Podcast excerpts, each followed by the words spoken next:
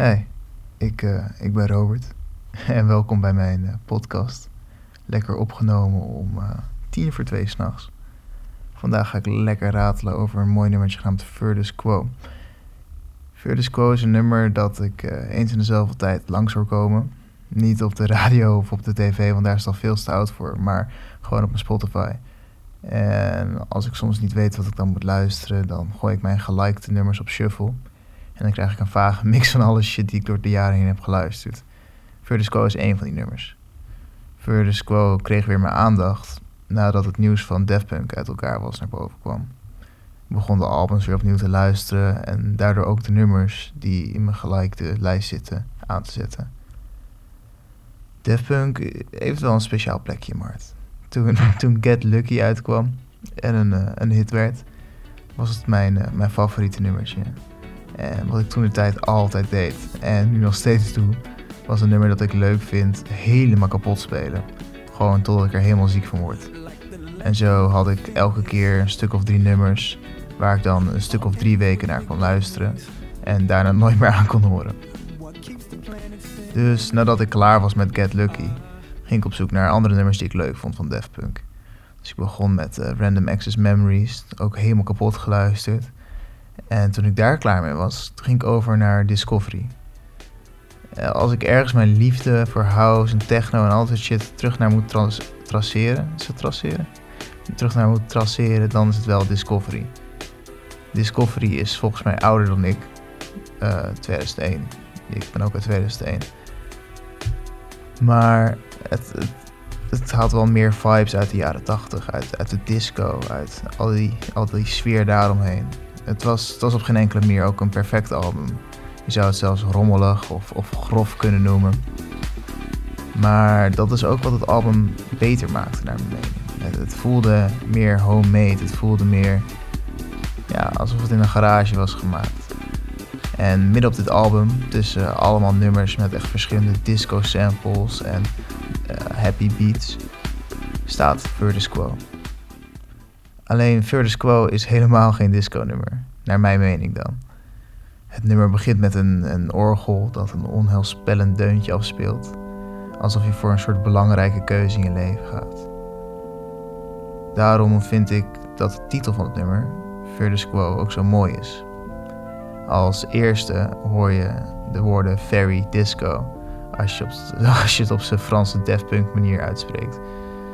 En dat maakt de naam wel mooi, omdat zeg maar Fur Disco, Fairy Disco, dat zorgt, dat is een beetje, het drijft een beetje spot met zichzelf, omdat het een van de enige nummers is die juist minder disco klinkt. En dat is natuurlijk ook weer een woordspeling op de naam Discovery, wat de naam van het album is. Want Fairy Disco, omgedraaid, is Disco Fairy Discovery. En dat zijn allemaal leuke grapjes en dingen. Maar wat de titel eigenlijk nog veel interessanter maakt, is als je het vertaalt. Want het is Latijn voor Disco. En als je de Latijnse betekenis opzoekt, dan uh, krijg je eigenlijk niks. Totdat je ziet dat het een woordspeling is op Quo Vadi. Of Quo Vadis, ik kan geen Latijn. uh, dit op zijn plat Nederlands betekent gewoon waar ga je heen? Of uh, ja, waar ga je naartoe? Nu is dat niet heel speciaal, maar de echte betekenis, oftewel in welke context de uh, mensen die Latijn praten het gebruiken, is uh, met welk doel doe je dit? Of waarvoor doe je dit? Dus het is niet waar, waar loop je heen of waar fiets je heen. Het is meer van ehm, waarom ga je heen en waarvoor doe je dit? Die, die titel is bijna terug te lezen op de, de manier waarop de track opgebouwd is. Dat waarvoor doen we dit eigenlijk?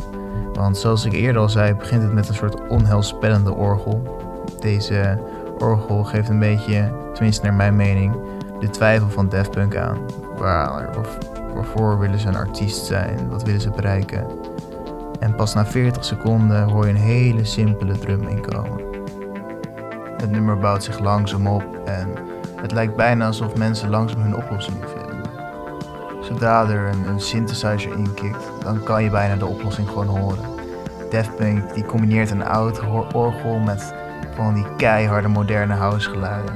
En een, tijd, een tijdje later hoor je zelfs het orgel een klein beetje wegvallen. Alsof Daft Punk even die hele keuze of die hele vraag loslaat en eventjes vrij is.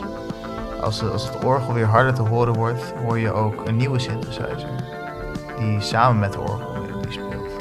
Alsof Daft Punk de beslissing vasthoudt, terwijl ze wel door willen gaan met nieuwe dingen bedenken en creëren.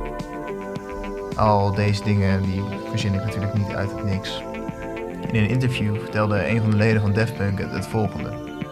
For us, the importance of success is being able to enjoy ourselves and to have fun making music. Success itself is really more about trying to make the music you want and succeeding. Daft Punk heeft besloten dat het doel van beroemd en succesvol worden niet om het geld of de prijzen gaat, maar juist om de, de creatieve vrijheid uh, te krijgen om gewoon te doen wat ze willen. En dan even terugkomend op het begin. Soms hoor ik dit nummer dus langskomen als ik mijn shuffle aanzet op Spotify. En ik denk dat het soms ook goed is om te realiseren waarvoor je alles doet. In plaats van dat je constant bezig bent met proberen iets te bereiken, moet je soms ook bedenken van waarvoor bereik ik het? Word ik hier blij van? En elke keer als ik het, dit nummer weer aanhoor, aanhoor komen of aangezet wordt en die, die orgel inkikt, dan denk ik wel even over mijn doelen na en over waarom ik die doelen heb. En ook vooral voor wie ik ze wil bereiken.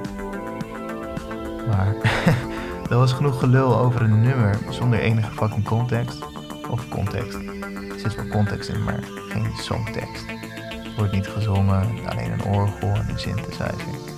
En misschien, misschien dat het gewoon mijn eigen interpretatie is en dat het eigenlijk iets heel anders betekent. Uh, ik hoop dat jullie van mijn uh, geratel konden genieten. En uh, dat je een keertje terugkomt om naar meer geratel te luisteren. Kusjes. Today.